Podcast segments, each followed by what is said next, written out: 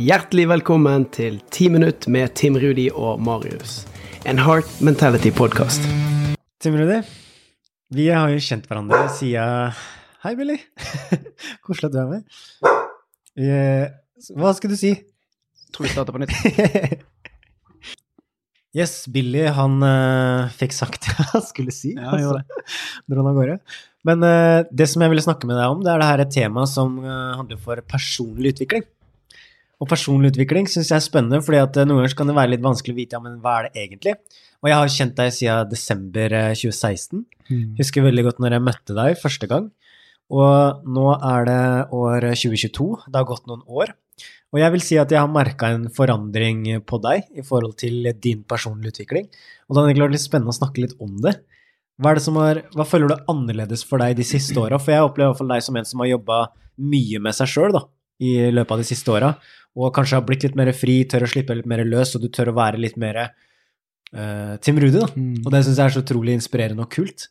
Men uh, kan ikke du fortelle litt om hvordan den reisen der har vært for deg? For det Oh. tror jeg har vært spennende for de som lytter og faktisk hører, da. Og at det er faktisk en reise, det er ikke noe som du er eller ikke er.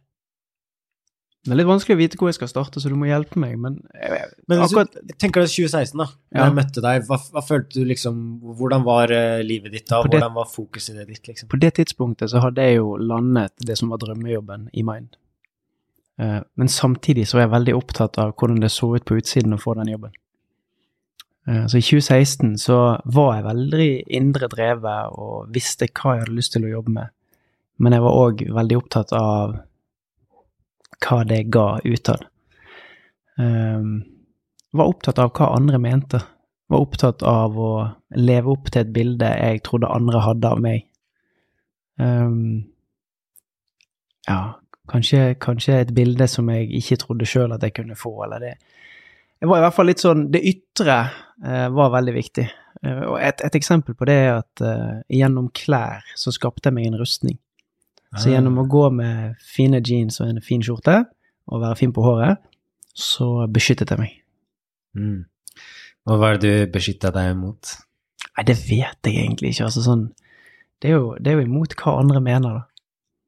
Eh, Så jeg fant en sånn en rustning som jeg kunne ta på meg, og da følte jeg trygghet, for da i hvert fall Da var jeg profesjonell, da så jeg profesjonelt kledd ut. Så jeg la veldig mye På den tiden der så la jeg veldig mye vekt på andre sin påvirkning på meg, da. Mm. Det der syns jeg er kjempespennende. Men eh, så, videre, da. Du sier at det var en jobb du likte, eh, kanskje litt styrt av hva andre tenkte, men eh, det skjer jo også ting på veien. Altså hva, hva føler du har endra seg nå, da? Altså hvis vi skal spole fram til nå, og så har vi da 2016 som referansepunktet, før og etter. Eh, hva føler du er annerledes eh, med deg nå, eller hva føler du at du kanskje har begynt å gjøre mer av og mindre av? jeg, jeg ble jo veldig Jeg ble jo litt sånn nudget av deg og Anja, eh, og det er jo noen år siden, i forhold til det også Jeg husker Anja, vi satt i sofaen hjemme hos henne, og hun stilte meg spørsmål liksom Ja, men hva er det Hva er det som er ekte for deg? Hva er det som er den ekte Tim? Eller Tim Rudi? Og på det tidspunktet så syntes jeg det var ubehagelig å snakke om ting som var ekte. Jeg syntes det var ekkelt å bruke ord som kjærlighet, eh, å bruke ord som beskriver ting som er kanskje mye nærere deg. Jeg tror jeg holdt ting mer på avstand. I dag eh, nå, er jo, nå jo, sitter jo meg og deg i samme studio for en gangs skyld, og så har vi hatt en pause, og så har vi kjørt en Wim Hof pustesession sammen. Og i den så finner jeg en ro og balanse i meg sjøl som jeg aldri har hatt før, sånn de tidligere årene. Og, og det er jo takket være deg og Anja sin prat om det å tørre å bruke kroppen til å balansere seg sjøl ut. Eh, Det å være mer meg sjøl.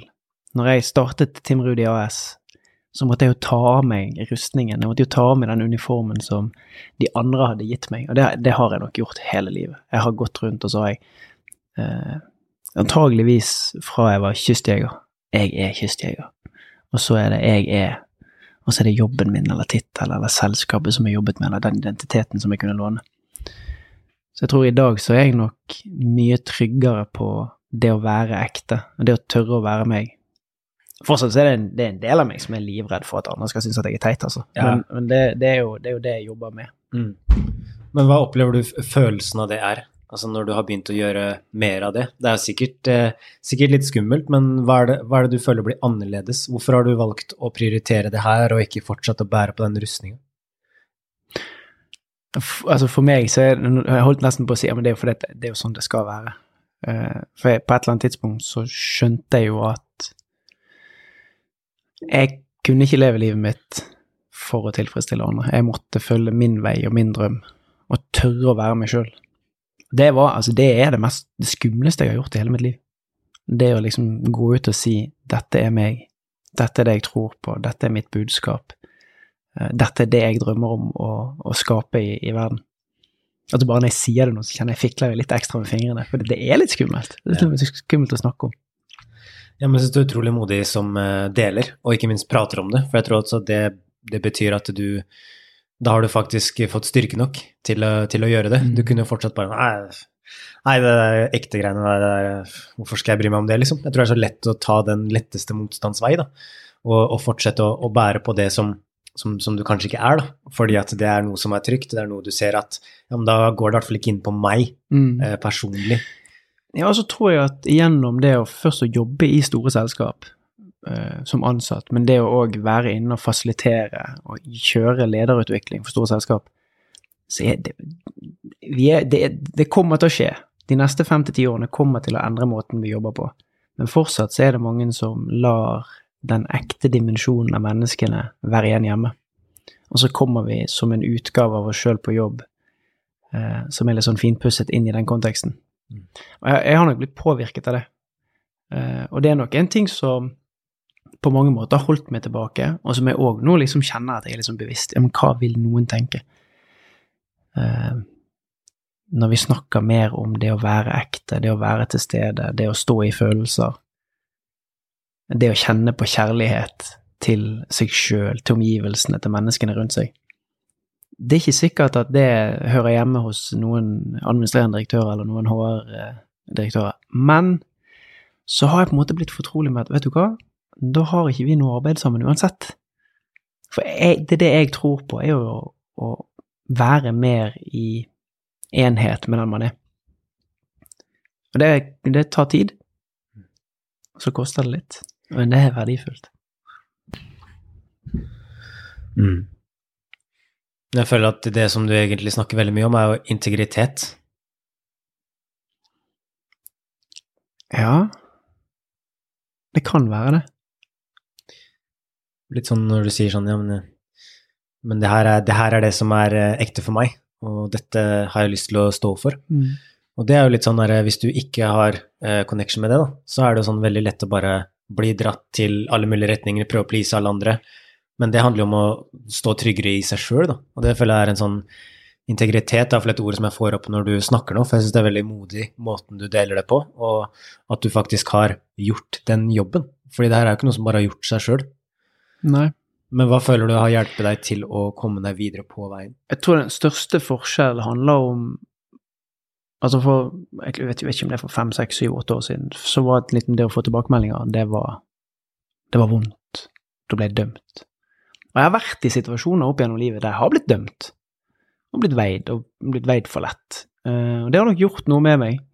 Eh, og så har jeg lært meg, for det har, det har måttet bli en ferdighet, i det å, å lytte til det som blir sagt når folk kommer med ting til meg som jeg må gjøre noe med. Uh, og det, hvis du spør min kjære kone, så vil hun si at uh, jeg er overhodet ikke mottakelig for tilbakemeldinger, og går i forsvar veldig kjapt. Og det er helt sant. Eh, det har, det har jeg måttet trene på, og det trener jeg fortsatt på. Men det er det som er den største forskjellen, det å erkjenne og innse at det er mye mulighet for utvikling, og den jobben jeg gjør med meg sjøl, den får kun positiv effekt på mennesker rundt meg. På barna, på Kristin, på dere som kollegaer. Alt. Er veldig sant. Tusen takk for at du har delt, det er utrolig modig. Og hvis du skulle gitt et, eh, et actionsteg da, til de som eh, lytter i forhold til å jobbe med sin personlige utvikling, hva ville du, hva ville du sagt da? Oh, den kom på sparket, for oppi hodet mitt så kom det ti ting. I ett actiontips.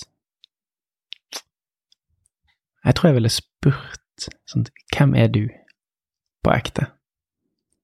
Hvis ingen så deg, eller ingen kunne dømme eller vurdere deg, hvem ville du vært da? Og hvis svaret er det er den personen jeg er i dag, så er det helt kanon. Da blir jeg kjempeglad. Men hvis svaret er at du ville hatt på deg noen andre klær og gjort andre ting, ja, da er det rom.